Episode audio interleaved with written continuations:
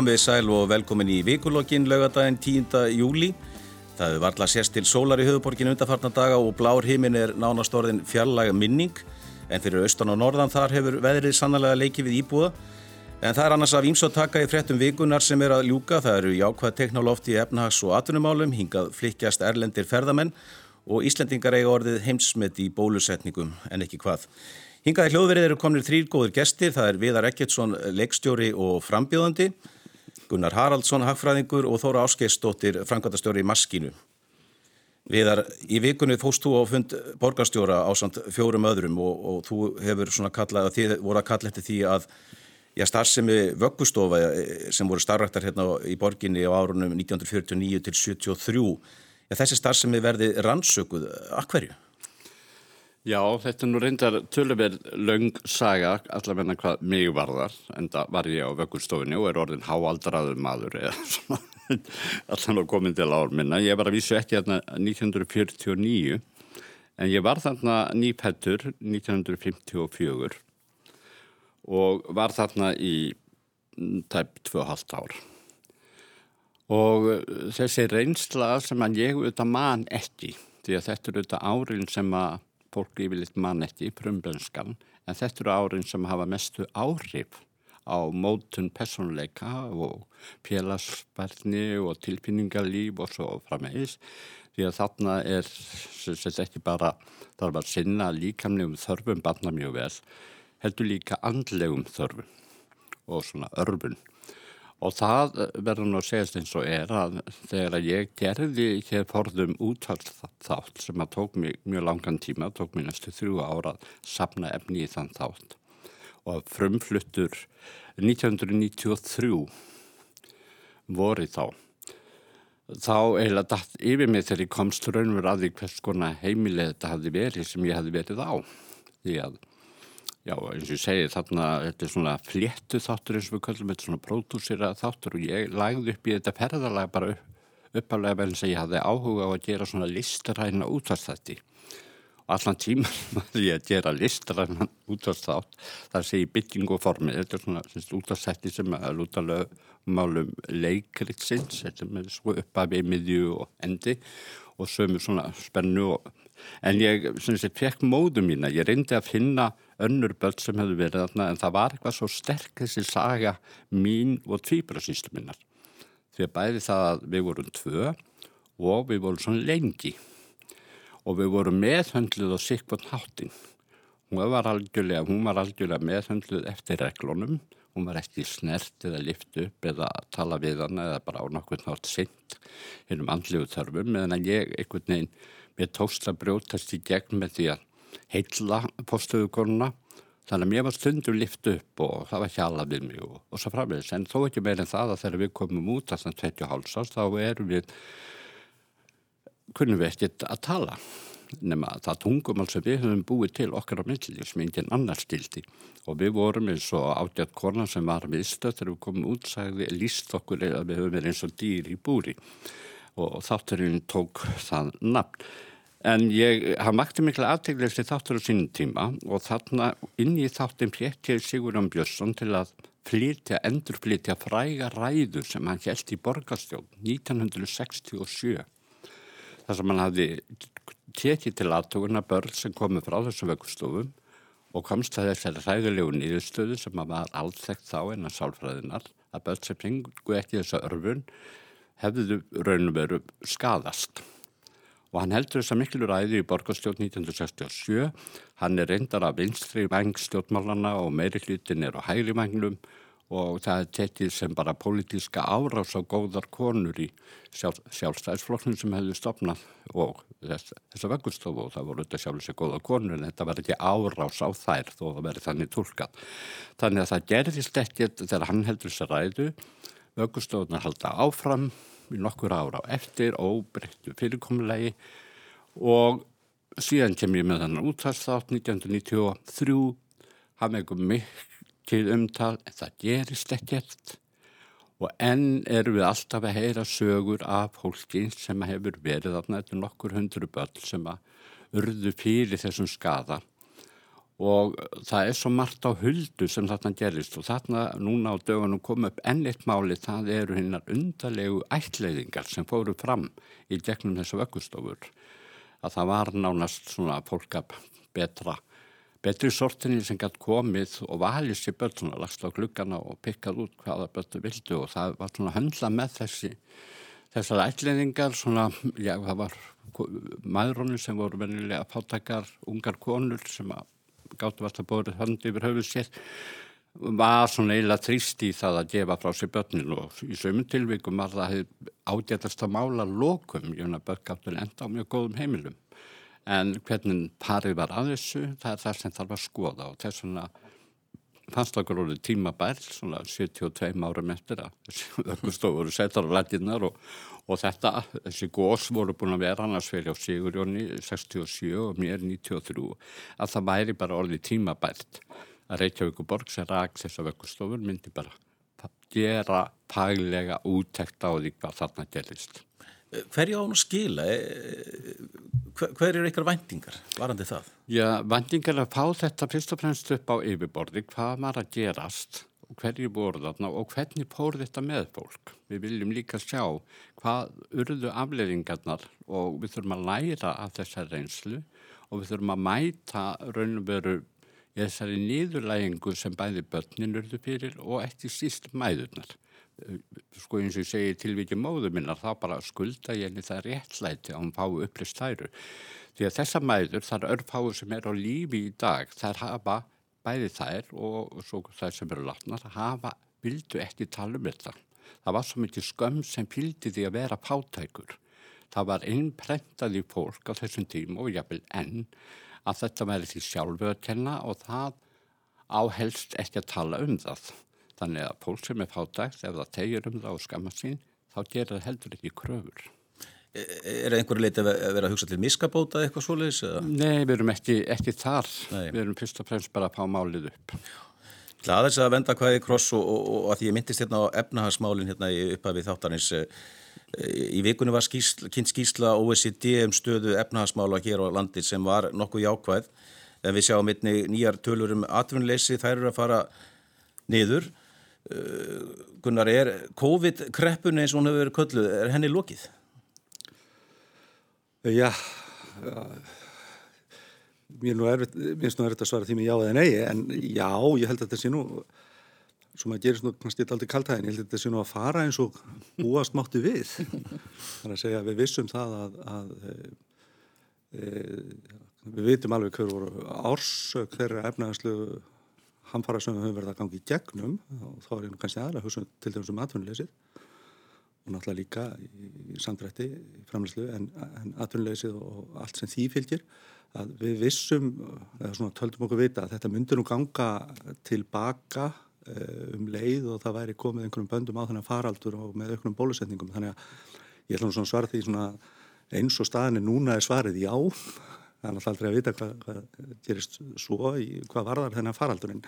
En COVID faraldurinn já, þar sem hann er afleiðing af bara stöðu faraldur sinns þá liggur það eiginlega hlutur hans eðli að um leið og, og um, hann rennur sitt skeið á enda þá tekur nú hættjörfi við sér. Það var ekkert, það var ekkert annað í hættjörfinu sem að var uh, það voru ekki aðri veikleikar í hættjörfinu sem, sem að voru til staðar sem að leitu til þessa ástands Þóra, þú ert náttúrulega að reyka fyrirtæki hvernig hefur ykkur gengið að takast á við þessa kreppu?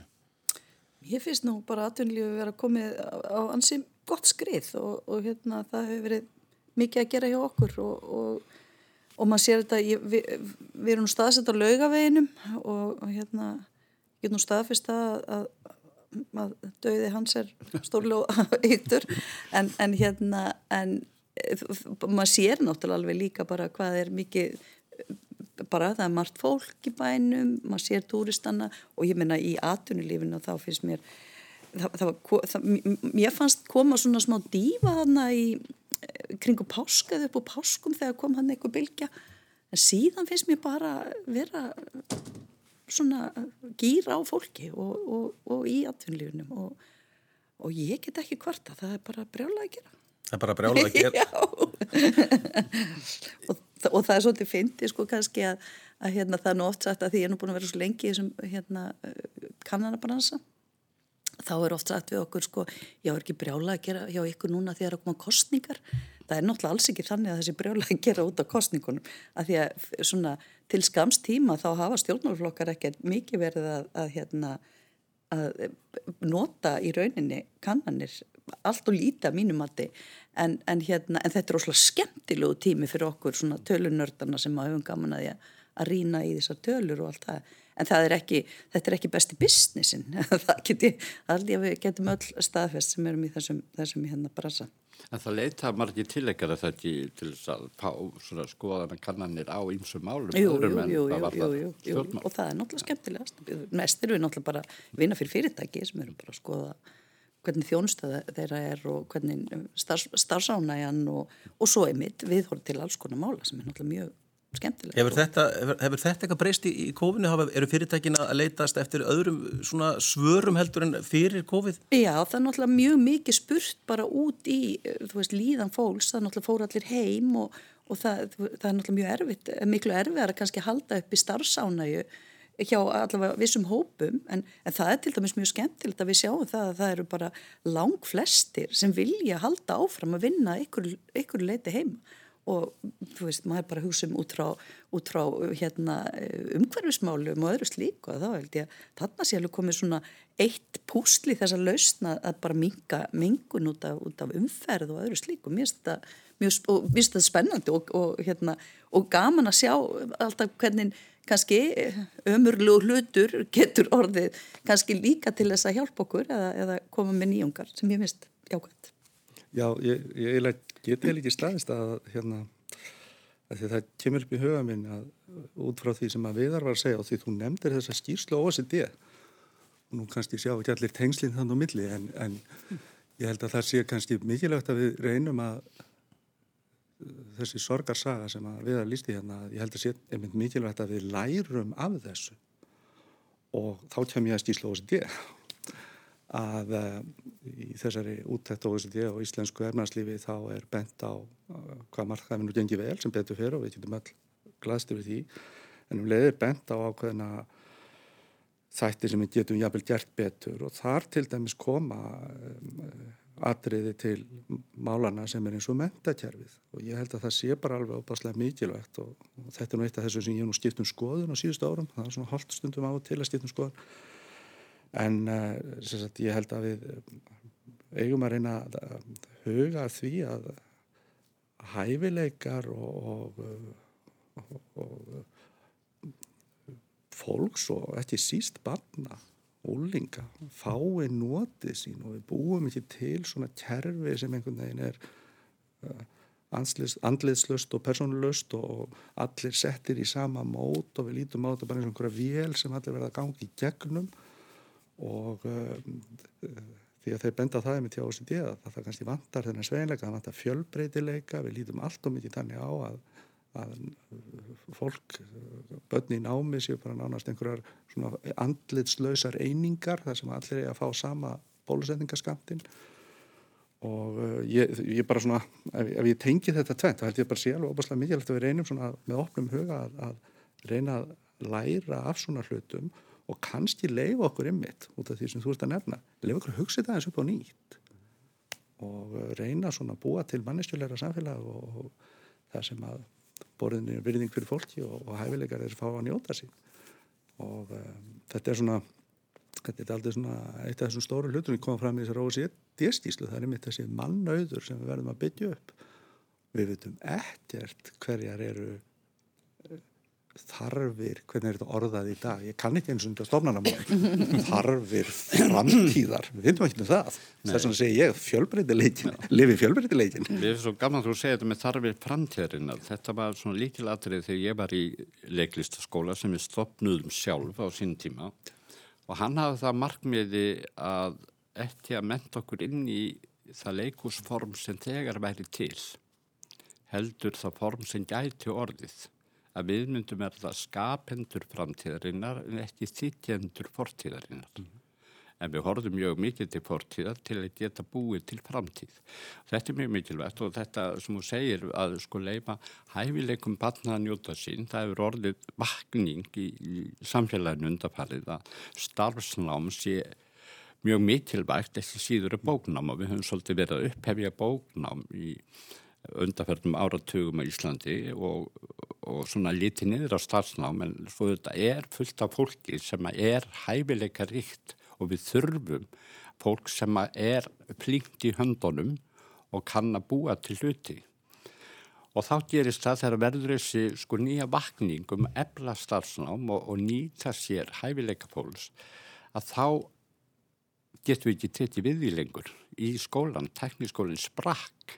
Mm -hmm. Það var bara ekki búið að undirbúa jarðveginn og vel til að taka við þessu fólki sem við vorum að hvetja til starfsnáms. Mm -hmm og ég var að hitta kennara núna um daginn sem er að kenna í litlu sveitafélagi sögðu með sjó og er svona myndmendakennari og smíðakennari Górna sem að fekk svona villingana í begnum sem að sko næstuði var hægt að sjá að þessi er í sko róni og þessi er í þetta og þessi er í hitt og breyttu en í náminu sem hún bjóð tilhandað þeim þá fengu þeir virðingu og uppreist þeir fengu verkefni sem þeir höfðu gaman af og þeir fengu aðdáðun fyrir verkið, þetta var semst eh, leiksýning, nú erum við komin í leikursættur, leiksýning í skólanum. Og þeir voru ekki að leika en þeir kunna til að leikmyndinar og þeir bara lögðu nótt við dag og þeim fannst svo gaman auðvitað slóður þeirra á milli og allt það sem að var útrás og allt það. En þegar upp að staðið þá bara mistu skólapélagarnir og kennararnir og foreldrarnir andlit og sagði hvaðan kom þessi leikmyndir æðislu og flott. Og það var bara kallað þá á svið og var klappað fyrir þeim. Þeir höfðu aldrei fengið þessa aðdáðan áður vegna þess að þeir höfðu aldrei fengið réttu verkefni. Mm -hmm. og þetta er svo mikilvægt að við búum til þjóðfélag og við búum í hæginn fyrir fólki þannig að fólk pái notið sín því allir hafa einhverja hæfileika og þeir hæfileikar koma okkur öllum til góða. Það verður til betra samfélag, það verður til betra fólk. Þetta er náttúrulega gömulsaga og ný og hérna með þessa fordóma sem hafa verið ríkjandi í íslensku samfélagi, gagvar þeim sem ekki klára þetta hefðbundna bóknám, mm sko svo hefur sama saga verið sögðum eh, visskiptalífi þar að segja við sem að setja öll ekki í nánast sömu körfu. Þóra vantar upp á fjölbreytileikan í íslensku samfélagi og visskiptalífi Mér finnst nú sko, mér finnst nú mjög margt bara þannig ég segi það, mér finnst mjög margt gott gert í íslensku skólakerfi. Bara, mér finnst þetta að gera það frábæra hluti, ég ætla nú að byrja þegar að segja það. Og mér finnst líka, ég var nú að hugsa í morgun bara því að þetta er nú, ég, veist, ég ætla ekki að fara að setja með okkur háan hest og vita allt um aðtunulífið en, en auðvitað er ég minna, við erum að gera margt mjög vel og ég minna það er til mjög mikil nýsköpun í aðtunulífinu á Íslandi, það er bara alveg, alveg frábært og, og ég minna við erum hér að, að talandi um hérna, einmitt e, einhverja strákaði stelpur að, að það er náttúrulega fyrirtæki sem eru að blómstra hérna sem eru al, algjörlega nýsköpuna fyrirtæki og, og alls konar fyrirtæki sem við sjáum eru bara framalega á, á heimsvísu. En mér finnst líka mjög gaman að hugsa talandu um fjölbreytileika og ég var nefndið að hugsa með því morgun bara. Þú veist, já, já, ég er, þó ég sé aðeins yngre en, en viðara, þá er ég samt og alveg hundgumul. en ég meina, þegar ég er í skóla, þú veist, það var engin svartur eða eða frá Assíu eða að öðrum kynþætt en hvítum í, í Kópóskóla þegar ég var allast þar upp. Þú, þú veist, bara allir þessi hlutir sem að, hérna, að þú veist, það, það, það, ég, ég, ég man eftir einum strák sem var aðventisti og ég man bara eftir honum skilja að því að hann var eitthvað öðruvísi. E, þið viti, þetta er náttúrulega alveg, ég menna núna á ég tvo stráka sem er í Östubæðaskóla, tvei barnabönd og ég menna bara því ég renni yfir, sko, listan yfir nöfnin þetta er náttúrulega bara samfélagið sem þessi krakkar er að alast upp í hvaða miklu betra og, og bara hvað, hvað þetta gefur þessum krakkum margt gott að hafa svona fjölbreytilegt og ég minna, ég hafði aldrei smakað núðlur fyrir ég var orðin bara veist, fullar, þið veitir, það er bara svona hluti sem er bara gaman að velta fyrir sér og ég minna þannig, þannig og er svona allir að koma einu sem að mér finnst svolítið merkilegt og, og hérna að því ég kom að þess að áðan að ég væri svona tölunörd og svona og ég, þú veist Óli Harðar er náttúrulega minn mentor og ég hlust á að og þetta eru allt og mikið strákar sem er að tjásögum finnst mér nú. Og hérna En það er eitt sem að ég, hérna, nú veit ég ekkert hvort þú allar eitthvað að tala um pólitík, en það er eitt sem að mér finnst ymmið skemmtilegt þegar maður fyrir að hugsa um það. Því nú eru til dæmis, eh, ég bara eins og kannan í maskinu, veist, þá eru þannig nýju flokkar inn og út. Það eru, það eru hérna, þú veist, við getum alveg, það er ekkit ósennilegt að við verðum með átta til nýju flokka á alþingi eftir næstu kostningar. Og mér finnst svolítið fyndið að mjög, flestir af þeim sem eru að fjalla svona, þessir álitskjafar í pólitík í dag, þeir eru alltaf að tala um það að til þess að mynda tveggja, allir hættir að tala um tveggjaflokkastjórn, en veist, það er ekkit mörg ár sem við vorum að tala um tveggjaflokkastjórn, sko, þryggjaflokkastjórn af hverju með ekki vera margir í stjórn já, já. af hverju er það ekki, þú veist bara alveg svo núna eru allir kynþættir. Núna erum við að borða alls konar mat en ekki bara slátur og, og skil af hverju með ekki, þú veist, er ekki bara gott að við þurfum að, að hérna, tala okkur inn í fleiri, ég, þú veist, nú er, þetta hefur ekkert sko Ég, ég bara, I rest my case Nei, sko, þetta er en, þetta, en þetta er mjög áhugavert hvernig við hérna erum lengi að breyta einhvern veginn svona í, í hérna í sumu. Það, mér, mér finnst bara, ég held að það væri bara gott fyrir okkur, ég held að það væri bara holdt fyrir alla flokka tek, að þurfa að, að díla við marga. Ég er ekki algjörlega undir þetta Það er kannski rétt að koma fram við að þú er náttúrulega í frambóði, frambóði fyrir samfélginguna Já, og fyrsta sinn á ævinni sem ég bara per yfirleitt í frambóð ég hef ekki eins sem er í 60. sæti það vel er til á neinum flokki áður.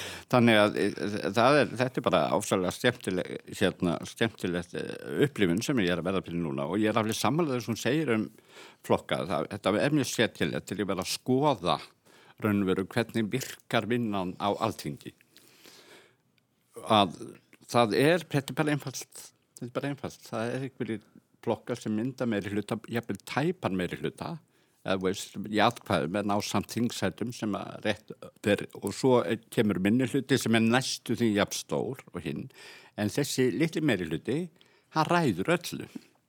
Það er svona samantekir á þessa meiri hluta að öll þau mál sem að hann vil og leggur fram að þau nái hérna, fram í játkvæðkvæðslum mál minni hlutans ná ekki fram og svo undir lók þingvetrar þá er útluta svona þessum flokkun sem er í minni hluta, sem er jafnvel saman mynda næstuð í meiri hluta, þá páði svona eitt-tvei mál hver í gegn og það er með samþýtti meiri hluta, hvaða mál það eru.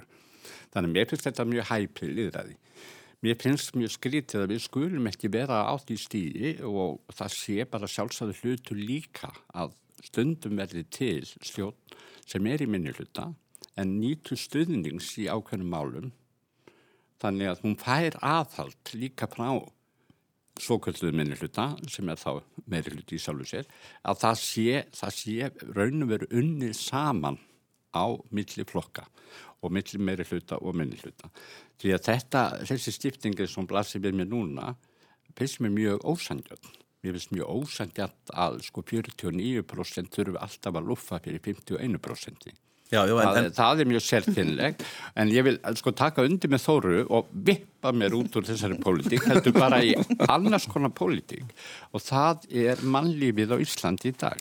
Það er svo, ég tek undir með Þóru þetta er svo miklu fjölbreyttara. Og einhvern tíma var ég spurður að því að það búið að koma hér fram og ég er stoltur af því að ég er eldstur og einhvern tíma var ég spurður að því hvort það hefði ekki allt verið betra í gamla daga og ég segi viðsilof að ég þurfi ekki að lifa þá tíma áttur því ég ólst upp í samfélagi sem var þeinlega ömulegt það var fordómafullt það var grimt það var forpokað mm -hmm. það var, ég menna, við búist að tala um núðlur. Ég menna, ég mann eftir gammalli konu á Akureyri Það var hort á hann að göta því að fréttist um borðaði kvílaug.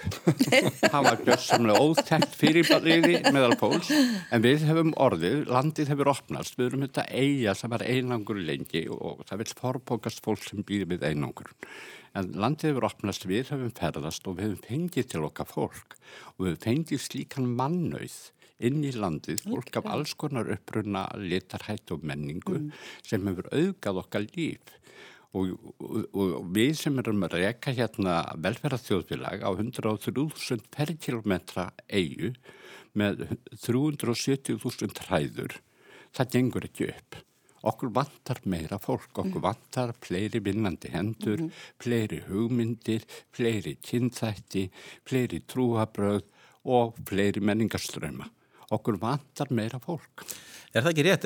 Ópið e, samfélag, er það ekki, þrýfst ekki alltaf atvinnulífið og efnahagslífið, er það ekki bestu aðstæðar fyrir efnahagslífið eða samfélagið er ópið og hugmyndaríkt? Mér sínist þú verið að spyrja mig. Já, ég er einnig spurninguna af þér. Jú, jú, er þetta ekki bara allir saman þessar, ég bara held það. Ég held að segja ekki nefi og hérna, ég ætla að taka undir þetta sem við að segja, sko, og þið öll, sko, Guðminni almáttur, mér er svo margt í þessu samfélagi hafa farið batnandi og, og ég er nú svo mikið bjart maður, ég held að þetta færi muni batna enn frekar. Mm -hmm. og ég held að þetta sé Já, sem er eftir 2005. september? Já, já svona um það leiti svona upp úr því. Nei, já, þess að ég eiginlega bara það, það er svo ofbáðslega margt eh, bæði í, í mannlífinu og svo bara í ymsum málum sem að hefur sem er auðvitað bara allt öðruvísi og við gerum bara alltaf ræður kröfur til dæmis. mm bara í umhverfismálum ég meina allskynns mál sem þar, ég meina eitthvað sem þóttir bara alveg eðlilegt, þetta, ég er nú alveg upp í stjærjafyrinum þóttir nú bara eðlilegt að klóðutjum verð nú bara út í fjöru sko, þannig að svo bara satt við krakkar ekki leika ykkur í fjörinni mm -hmm. Já, þetta man, þóttir bara eðlilegt. Já, ég man eftir að það var bara, það var bara slegið að kvennaframbóðun og sínum tíma í, í borgarstjóð þegar það gerði umhverfismál að einhverju máli, einhverju máli það þóttir bara alveg fáralega er Ég, það voru bara framsýnar. Og ég segi það líka, ég, þetta segi nú, ég nú var eins og byrju plata hvað það var þar að ég nú lengi kent eh, fólki háskólum og hérna mér finnst alltaf hver einasta kynslu betur enn svo fyrri, ég er bara verða viðtjónu það, mm -hmm. miklu betur enn minnst okkast í mín kynslu, ég veit ekki með ykkar, Já, ég bara segi eins og er, mér finnst þetta að vera fólk sem er bara allanhátt, betra og opnara og, og eitt sem ég veit nefnilega að tekja eftir þegar ég er alveg með þetta heilanum þetta með mentunina mm. ég held að við höfum gert allt og lítið því og ég sé að ég er líka nótrúlega gammal sko, unga fólk margt ungt fólk í dag, ég ætla hann alls ekki að alhæfa það er bara miklu meira svona og þar held ég að COVID hafi líka kjent okkur það er bara þú ert bara miklu lausna með það mm þú ert ekki að býða eftir því að koma ykkur og segja þér hvernig hlutinni séu eða segja þér hvernig þú er að gera hlutina. Þú bara, þú kemst bara að því. Mm -hmm. þú googlar það, mm -hmm. þú spyrð fólk, þú sendir tölvuposta eða þú gerir eitthvað, þú lítir þess að samfélagsmiðla. Og þarna held ég að þess að ég kom aftur þessu, ég held að það sé ómöld að vita hverja verða þarfir framtíðarinnar mm -hmm. innan jæsa lappa ég bara held að það sé mikilvægast að við gefum fólki það möguleika og virkjum þetta í fólki. Þar að segja að það finnir bara þetta út úr því sjálf við veitum mm. þeim það, það, þann styrk að það geti leist þessi vandamál sem við erum stöndum alltaf fram fyrir og, og Að, það, ég er rosalega bjart sín mér segir bara alveg svo er. Eina sem er leðilegt við það eina sem er leðilegt við það eina sem er leðilegt við það eldast er það að maður missir af þessu sko. Ég ætla nú bara að minna á það að nú er klukkan orðin halv tólf og, og gestin mínir eru hérna Gunnar Haraldsson, hagfræðingur Þóra Áskistóttir, Frankvæmstöru Maskínu og Viðar Ekkertsson, leikstjóri og frambjóðandi. Eh, Það er eitt sem að náttúrulega hefur verið að gerast á þessu ári, ekki bara í þessari viku, það eru þessar bólusetningar sem hafa verið í gangi og okkur, eh, já við erum komin bara eh, í fyrsta sæti á heimsvísu, Íslendingar, við, það er engin önnu þjóð náði að góðum árangri í því að bólusetja fólk eins og við. Eh, ég held að þessi hátt í 90% 16 ára eldri sem hafa fengið eina, að minnst okkurst eina spröytu, flestir eru full bólusettir. Þetta hefur náttúrulega haft gríðarlega mikil áhrif og, og, og það hefur verið stórkvæmslegt að fylgjast með þessu. Já, hvernig leggst þetta í ykkur? Þið eru vantilega eh, bara þessi framkvæmt sem slík eh, þetta var gaggrind í byrjun ás en svo gaggrinni hefur nú ekki staðist tímans tönn Mér finnst þetta bara hérna hafa gengið alveg frábærlega og, og mér finnst bara heilbyrðið starfsfólk búið að standa sér svo vel og mér stu, hafi gert þetta svo skemmtilega það er alveg diskotek og veit, það, þetta hefur hefur skapað svona stemming og, og hérna, nú skammast ég mín náttúrulega ég man ekki hvað hún heiti, konan sem hafi búin að vera svona í forsvari, þannig að helstjórnar Reykjavík bara frábær, hún er alltaf svo jákvæð og, og svo, þú veist, ma maður er bara einhvern veginn, manni finnst maður bara að vera í ykkur liði og ég, ég ætla alveg að segja það að mér finnst þetta að hafa tekist alveg gríðarlega vel. Og ég held til dæmis að, að það, er eftir að, að hérna, þeir flokka sem eru í ríkistjórn eða alveg eftir að finna fyrir því á já, að, fylgislega og við sjáum alveg í konunum til dæmis að ég held að sé, þetta, þetta sé hérna, þarna bara hefur verið mjög vel gert og maður skildi nú bara þakka fyrir það á hinbógin að því við vorum að tala um fjölbreytileika að þá er það náttúrulega líka rosalega alvarlegt mál hvað er það, 1% Afrikabúa sem er komið bólusetningu. Þetta er náttúrulega bara ekki hægt. Hérna sitjum við og eina, og ég, ég sitt hér á mínu feitarassi og eina sem ég er að hugsa mér að, að hérna, hvernig kemst ég til útlanda, þið veitir. Þetta er náttúrulega bara, hérna, þetta er þetta, þetta er ekki hægt og þarna verður við að, hérna, þarna þurfum við að gera betur sem samfélag. En það er bara í gegnum sko allt þetta COVID við lendum þannig hamförum og við engin veit hvernig þetta fer. Og þetta er þetta bara ný hérna, ný passót sem er alveg merkilegt að skulle vera búið að finna upp bóluefni og bólusetja næstu alla íslitinga að í gegnum alla þennan tíma frá þarna í bara nánast eitt og halvt ár þá er heilbreyði starfsfólk yfir línuna það bara framlínu fólkið hefur staðið sig alveg ótrúlega vel bara alveg frá þú sko fólkinu sem er að skúra gólfin á helsugæslustöðarum og upp úr og súgraflutningamenn og umhjóta hvað. Þetta fólk hefur lagt alveg ómælta mörgum, líka margir sjálft sér til að verja aðra, til að geta unni störf síl með svakalega erfiðar aðstæður og raunum eru ekki vitandi hvað þetta gæti haft í pörnum sér það sem erum að vinna við. Stjórnmálinn, ég ætla að tekja undir með þóru, stjórnmálinn haft vita því að, að veita uh, sérfræðingum raunum veru spilinn og láta þau spila úr þeim spilum og það sem betur fyrir hefur eða allir stjórnmálaflokkar stutt þetta, það er helst að hafa verið anstaða innan ríkistjórnarinnar sjálfurar eins og það hafa verið svona mótmæla rattir innan ríkistjórnarinnar sem hefur verið mjög settinlega eins og stjórnar anstaðan hefur meira minna staðið með ríkistjórnarni þannig að þetta stýptist ekki stjórn og stjórnarlandslega alls ekki. En það eru pólitísku öll sem að sjá sér leik á borði með því að að gaggrína raunum veru sefraðingarna en sem betur fyrir höfðu við vit á því að bæði þjóðin og stjórnmálufólk að setja þetta í hendunar á þeim.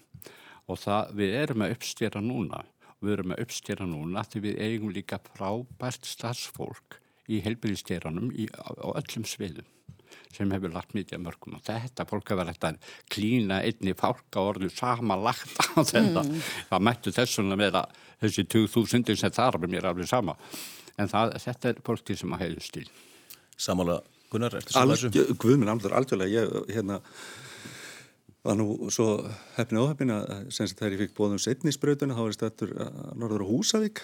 Fannst þú nú aldrei langt að fara í bæinn svona en hugsaði nú með mér, ég myndi nú gera það samt. En hafði ringdi þó á hérna, helsugjastöðuna Húsavík og þau bænti mér á það að ég geti ferið á Akureyri. Mm -hmm.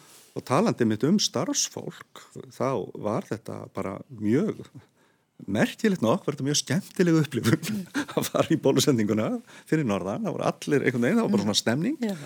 og þarna var, þetta var slökkvöliðstöðinni og þarna var slökkvöliðs fólkið sem tók líka þátt í því að skipuleitja þetta og, og sagt, stjórna þessu og það á líka mm, mm. þannig að allt þetta, ég teg bara undir það sem þið er að segja, allt þetta fólk en maður má kalla fólkið á gólfinu mm -hmm. það á líka bara þessar allar fólk á orður skildar já, já. En út af því að bólusendingar gengur svona vel uh, já, þá búum við í takmarkalösu samfélagi sem orður komast, það er engar samkomi takmarkanir lengur. Uh, Við sáum hvað gerðist síðustu helgi, það varð allt vittlust í miðborginni, þetta var eins og stórháttíð og, og, og lauruglan og slökkuliðið undir miklu álægi, eh, þetta var náttúrulega aðeins skára í nótað með sínist, en kom þetta, eh, eitthvað, áttu þetta að koma eitthvað óvart þóra? Nei, mér það nú ekki, ég, ég var nú einmitt að lappa, ekki það, ég var nú ekki mjög seitt að lappa heim í gergöldi gegnum miðborginna, mér nú bara að vera góð stemming, það, það er misjamt söð, söður í, í mörgu fjöðu eins, eins og það stendur. En, en hérna, en nei, mér finnst þetta ekki koma óvart og, og þetta er við bara ótrúleitt forréttinda fólk að, að hérna, hvernig hlutinir eru og hvað hefur verið og ég minna, þú veist, þetta þrý ekki maður fær nú bara eila kökk í hálsin þegar maður tala, þú veist, bara hvað, hvað þau hafa staðið vaktina og og mér finnst líka bara þessar stóru kvennast eftir, þú veist, ég er búin að vera að vinna einmitt fyrir eina ein eða fleiri slíkar og þú veist, þetta eru konur sem að, þú veist, þær hafa ekki hitt kannski neitt, eins og bara hjúkunofnæðingar og fólk sem vinnur núna á spítalunum þau eru bara, já, þau, þau hafa bara verið líka svo mikið einangurum sjálf, þetta er þetta hérna og, og maður getur nú alveg manni finnst nú stundum að það væri nú kannski hægt að gauka einhverju að þessum hérna, þessum stjættum veist, í, á, á góðum dögum. En svo finnst mér líka annað með, kannski eins og með að, að hérna nokkuð kannski skorti líka stundum að tala um svona heildar þú veist. Við förum svo mikið í eins og góð vinkona minn orðaða hérna kattarhaldi í blokkinni sko. Veist, við erum það veist akkur tölum um þetta sem heilt, veist, auðvitað er þessi bólusetning auðvitað margt sem hefur beðið alveg öruglega í heilbriðiskerfinu út af COVID, en þú veist, tölum um stefnu, eins og þú varst að tala um aðan með mentakerfi, mér finnst þetta svolítið skort á og maður, maður saknar svolítið á alltingi, kannski er það ykkur fréttamönnum að kenna það, það er bara þegar ykkur er í ykkurum átökum inn á, á alltingi, það er eina sem ratar í fréttinnar en, en manni finnst oft skorta svona þessa umræðu um mentamál. Þú veist, hver er stefna flokkana í helbriðismálum? Jú, jú, ég veit að, að það er ykkur flokkar sem vilja senda liðskipta að gera til útlanda og aðri sem vilja gera hérna heima já, á, á hérna engareknum. Þú veist, ykkur, það er ykkur, ykkur svona lutir. En þú veist, En er þetta ekki bara enginn á íslensku samfélag, íslenskum hugsunarhætti? Við erum svona veiði samfélag, við hugsun bara um næstu bráð, næsta abla. Við hefum kannski erfitt með að, að, að móta einhverja stefnu til langs tíma eða hvað við er. Já, við þurfum alltaf að bregðast við breyttu samfélagi, en við þurfum að eiga grunnstefnu og ég menna, mér finnst mjög sorglegt þegar að verður miðstifting í samfélaginu það er eitthvað sem ég á erfiðast með að þóla þegar það ríkir ekki jöfnuður á milli þegnana að við séum alls borin jöfn til þess að heimis og kannski er ég komin að vöggustóinu að, að mér finnst að jöfnuður þurfa að ríkja með til fólks og ég óttast ef, að, ef við förum að setja helbriðsterfið í svona eh, einhvers konar réttir þar sem er til pítni rétt og, eða pítni dilkur og, og svo annar flokkur og þriði flokkur Þannig að, að fátækara fólk og fólk sem er efnaminna það lendi í svona eins og við sjáum í, í sumi löndum þar sem er svona almenningssjúkarahúr sem er takmörkuð og von þjónusta og síðan getur fólk keitt sig í miklu betri þjónustu. Mér finnst það ekki vera framtíðarsýn sem, sem að mér finnst hugnaleg. Ég vil framtíðarsýn, ég, mín framtíðarsýn, þó ég er kannski ekki mjög langa framtíð fyrir öndum, en þá vil ég sjá þá sín handa mér börnum þessa lands og, og barna börnum þessa lands að, að það fólk geti treyst því að við búum í samfélagi sem veitir öllum sömu og þjónustu og hún sé afbraskóð. Ég vil helbriðskerfi þar sem að, að það, við getum, sko, ég vil að sé helbriðskerfi okkar og svo getum við keift þjónustu ef hún er engungur réttin óhagnaða drifin. Það er, veist, fólk getur tekið að sé ákveðna þjónustu leiðir sem eru til þess pæl en það sem notaði hagnaðastinni til þess að hagnast á sjúdómið fólks finnst mér algjörlega ófært. En ríkir ekki nokkur mikil einhugur um það, þetta mál á Íslandi? Þetta heyrir maður hinn að rattirnar en, en ég sé það ekki á stefnusgrá stjórnmála, íslensk stjórnmálaflokks að enga veiða heilbyrðiskerri. Jú, það eru svömi stjórnmálaflokkar sem vilja gera einmitt auka á möguleikan á því enga veiða. Það er alveg til því miður og ég meina kannski stillalegt. Fólk hefur missjafna skoðanir. En ég held að það sé betur fyrir meiri hluti fyrir því að við legum hérna gott heilbyrðiskerfi.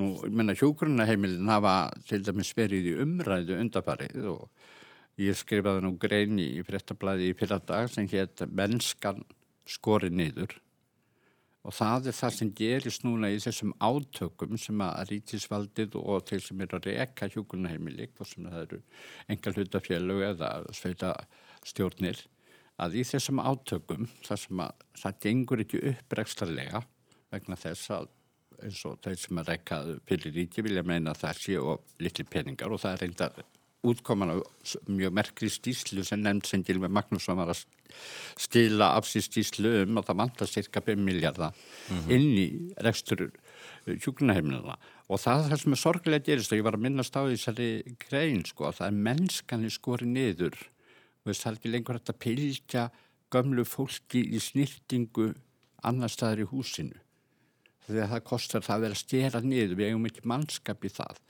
Meina, bara þetta að neyta gömlu fólki um að líta sæmilega út því að þau hafa alveg sömu sjálfsmynd og við öll hinn. Mm -hmm.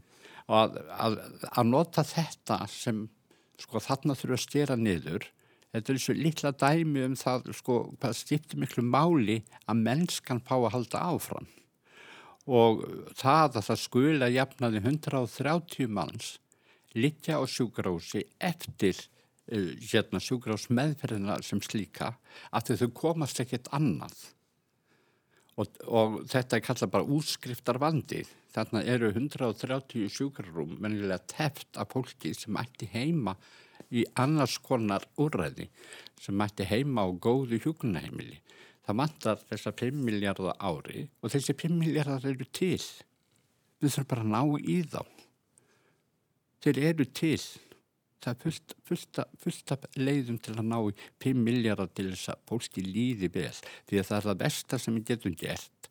Það er að þetta fólk sem hefur sko lifað langa og milsjafna æfi og staðið af sér ímislegt skuli lenda að lokum í einhvers konar skrúfstykki örbyðar Ég langar aðeins að vippa mér yfir í annað máletni þó þetta sem ég áhugavert.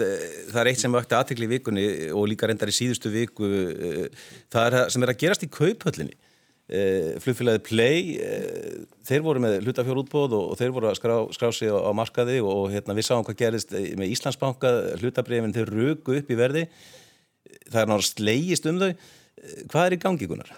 Ég held að það er að spyrja fóra Já, sem hafðræðingin hérna við borðum Engist eins og ormur og öngli Hérna Þetta var svolítið fyrir sjálf Hvað er að gerast? Já Er þetta, er þetta bara fólks, ríka fólkið að því við vorum að tala um stjætskiptingu og fólk sem ég, er að græða peningarna? Svo maður gerist nú svona alvarlegur í þessu. Ég held nú að þessu ímsar ástæður.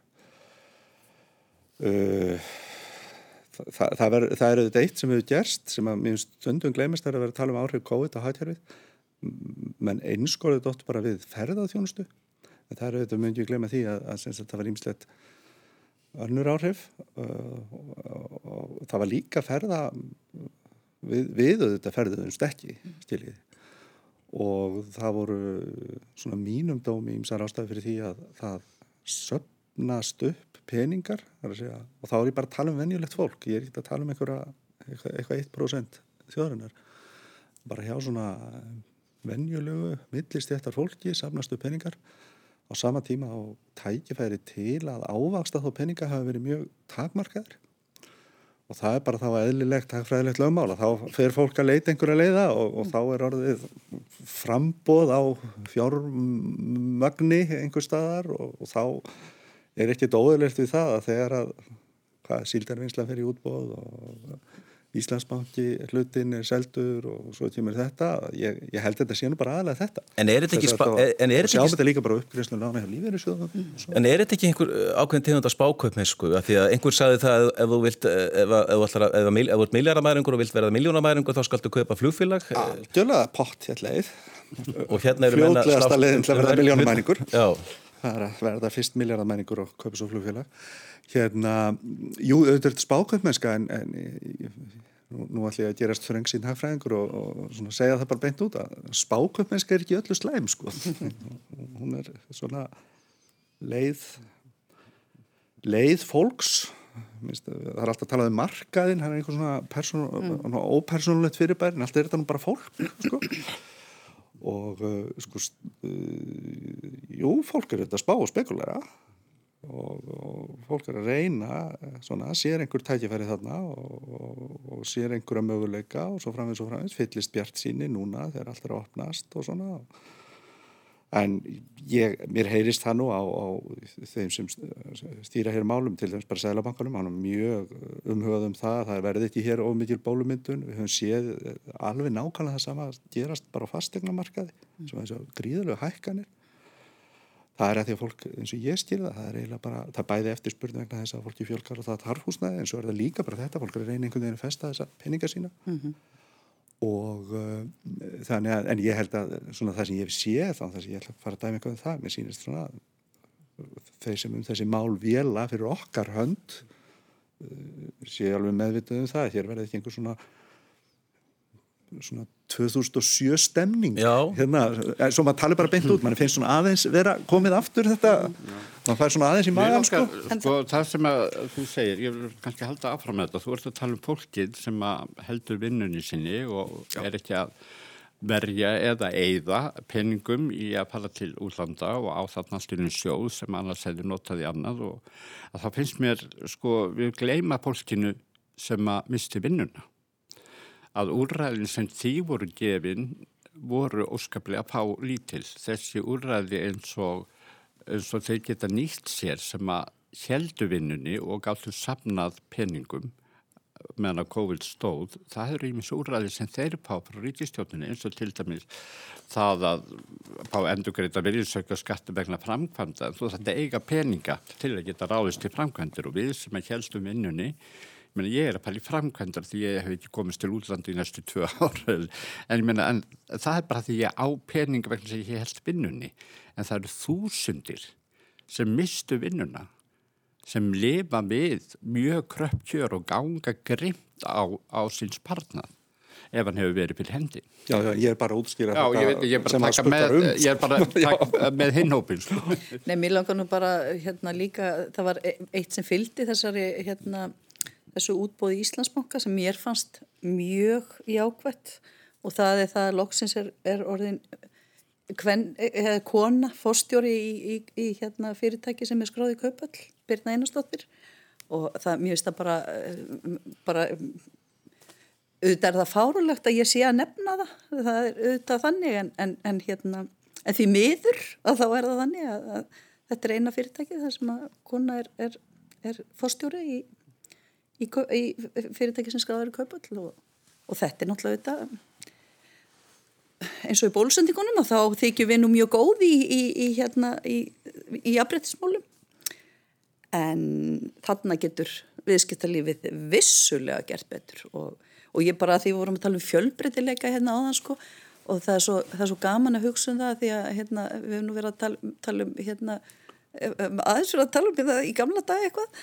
Að ég menna þegar ég er allast upp þá voru þeir sem hjóluðu veist, þetta voru hverjólandar, þeir sem fór út að hlaupa þetta voru bara hverjólandar það var bara einn og einn maður sem sást hérna. Nú er náttúrulega engi maður með mönnunum að hann hjólu og hlaupu og fari stuðlagil og hvað þetta heitir allt saman.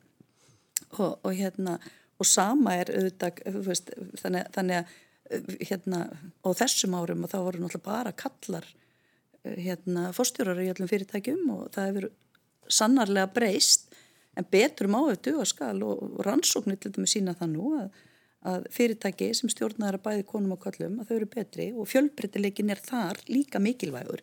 Mikilvægt að vera bæði með hvern og karl stjórnendur En er stjórnuna hættir hvenna, eru þeir öðruvísi heldur en... Búið að rannsaka þetta alveg Já. rosalega mikið. Ég meina mér finnst stundum að hérna, þetta sé sett hannu upp að konur geti ekki orðið góða stjórnendur nema þeir fari, fari í jakkafötun og séu eins og karlar.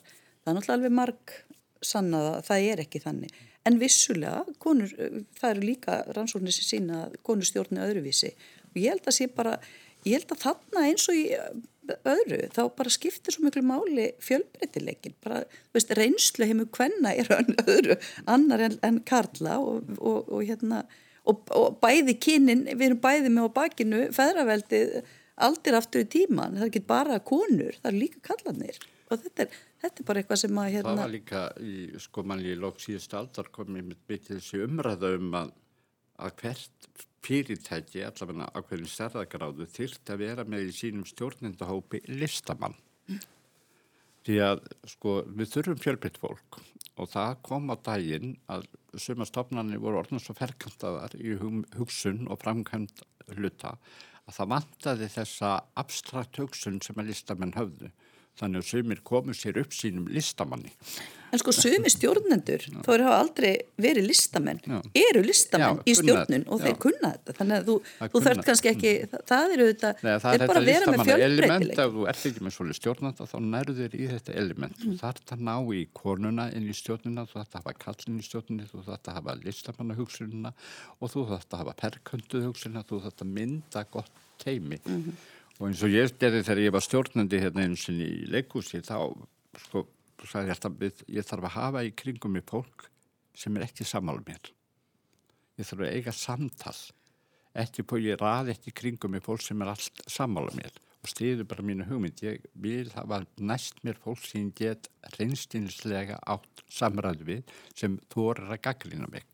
Og þannig verða til góðu stjórnendur. Það hefur nú oft verið einkennandi hjá stjórnendum að þegar nýji stjórnendur koma inn í fyrirtæki þá er það fyrsta sem þeir gera að þeir eh, já, segja öllum starfsbunum upp sem eru svona eh, millistjórnendur og ráði nýja til þess að einmitt að hafa í kringu sig einhvers konar jámenn. En, en... Eða, eða fjölbreytta. Þeim er gera það líka til að fá fjölbreytt fólk. Við erum kannski út af þessu sem hér verður að ræða, sko. við hefum nú oft verið svona klapp okkur á batjum það Íslendingar við komum langt í þessar jafnbrettis umræðu, eða jafnbrettis málum reynilega til, til kynjana það sló mig aðeins í vor það kom til skýsla, það var eiginlega ekki að tala um það kom til skýsla aðeins í um efnarsmál og ég hef nú til alveg átt að með á því en, og mér finnst það umhugsunarvert og ég er ekki að fella neina gildistóma eða draga neinar óbáðslar álíktan en mér finnst það umhugsunarvert að helmingur kvenna á vinnumarkaði vinnur hjá hennu ofnbjörn það er þetta já, það má það, það má hugsa að það kvennast jætt það eru þessu stóru kvennast við vitum það, já, en ég, það er náttúrulega líka útskýrur um leið að, að þá ertu auðvitað með stjækt hlutföll mm. í hinum hluta mm. aðunlýfsins hvort sem það, mm. hvar sem hann er mm. en hérna fyrst að það verið að tala um konur ég var nú svo tala um skemmtilega hluti það er kvennasiklingin og konurna sem sildi kringum landið og ég er nú svo heppin að þetta og kannast við þar sumar og þetta er náttúrulega algjör að tjálnarsku konur og sína það að konum er nú heldur betur allt fært. Þetta er ég verið maður í þetta. Nei, nei það, er, það er ekki mikil, mikil tími til stefnu svona ég veit ekki, hafið eitthvað verið að fylgjast með Európa-móti Karla í Knatsbyrnu síðustu dag, það var þessi uh, stóri leikur hérna um daginn Danmörk, England uh, Gunnar, horfið þú á leikin? Nei, ég, horfði, ég fylgdist með honum í síman hérna var hann þannig, sko, ég komst ekki að sjónvarpi á landin, ég var með síman opinn og var alveg endalist fylgdist með þessu. Og, og jú, jú, ég var eins fyrst með þessu. Ég, hérna Þetta er alltaf drama, þetta er mikið drama og hérna Maður, ég veit ekki, ámar ekki að maður er í rúf og maður þá ekki verið svo hlutlaus í öllu? Ég get alls ekki verið hlutlaus þarna. Ég held algjörlega með Danmörku. Og nú á morgun mun ég alveg halda með Ítalíu. Ég bara segja það beint út. Getur þú sagt okkur af hverju? Já, það er bara svo skrítið það er svo skrítið að, Já, nei, það er bara heila þannig frá því ég var barn frá því eins og ég nú veit ég það að hérna Já, frá því á bann hef ég alltaf haldið með Ítalið mm. í fótballta. Ég veit ekki af hverju. Ég voru bara séð einhver tíma fótballtaleik. Það er kannski maturinn, tónlistinn? Nei, ég bara, það, ég veit ekki bara, ég veit ekki hvað það er. Mér finnst það eitthvað, en ég ætti auðvitað að halda með Fraklandi og ég geri það nú svona að vera að spila. Mér finnst nú, hérna, þú veist, mér finnst, breytar eiga nú, þú veist, það er bara Breitland og, og bolti er nú einhvern veginn. Og ég sé ekki, ég, ég sé nú ekki mikil, mikil fókbóltabulla þá ég farið nokkur svona á leik í Breitlandi og mér finnst þetta alveg hrikalega gaman. Og ég komst nú þannig þegar við vorum þá fór ég á eitt leik í París. En, en hérna ég horfið semst á þegar Sviss hérna síðustu vítaspyrnuna þannig var ekki Sviss og, og, og Frakland þegar þegar frakkin hérna þessi sem að mér er sagt að sé eitt besti maður í heimi klúðraði vítaspyrnu en það er náttúrulega það, það, það, það er hérna þetta er bara svo það leiðilega við fókbalta finnst mér í dag talandum, það er sko hvað er orðið mikið yfirstjættarsport, því að ég fór á leik í Breitlandi sko fyrir einhvern tugum ára þegar við vorum í námi og fórum í einhverja fjölmjölaferð til Breitlands og, og það var stuð sko. Þá, þá hérna sungu stu, sko, stuðnismennir á og, og ég menna, ég man bara þegar vorum að lappa út að þá, hérna, mér minnir að þetta að vera vestam og þá var einn vinkuna mín að kvekja sér í síkart og það kom bara lögga á, á, á, hérna, á hesti og bara áfram með þig, sko, því það var náttúrulega, var alltaf allt vittlust. Ég er ekki að segja að það sé nú frábært. Nei, tíminn flýgur, flýgur frá okkur. Við langar aðeins að bara spyrja ykkur svona, já, hvað er framönda, hvernig ætlið að nota daginn, Tóra? Heyrðu, ég er að fara í brúðkaup og laka mjög mikið til og ætla bara, það er mjög að sjálfgjátt að ég sé í bænum um helgar og ég er að fara í brúðkaup og það verður ábygglega hrikalega gaman og svo ætla ég að hitta vinkonur mínar og það verður ábygglega líka mjög skemmtilegt. Viðar? Ég er í æfingabúðum til að fara í sumafrí því að formlega fer ég í sumafrí á mándagin þannig ég ætla að nota daginn í dag og morgun til að æfa mjög vel í sumafrí ég er að fara að sérni tekja vikna sumafrí sem ég var alltaf að og svo ætlum ég út í flategi í vikunum með úrvalshóp sem er útskriftar árgangur minn úr leiklistaskóla síðan fyrir 45 ára við hittust alltaf einu sinna á hverju sumir og einu sinna á gamlastag á hverju ári. Gera þeir betur og ég lakka óbáslega til Gunnar Ég, ég ætla að gera tilraun nummer tvö að sætja bíl sem er bilaður austur á Kolsvöld. Ég veit ekki hvað er það. Nú lungin og deginum í gær í þetta og nú ætla ég að gera aðra tilraun. Þannig að þið heyri hvað ég lifi spennandi lífi. Það er betra við fyrir austanfjör.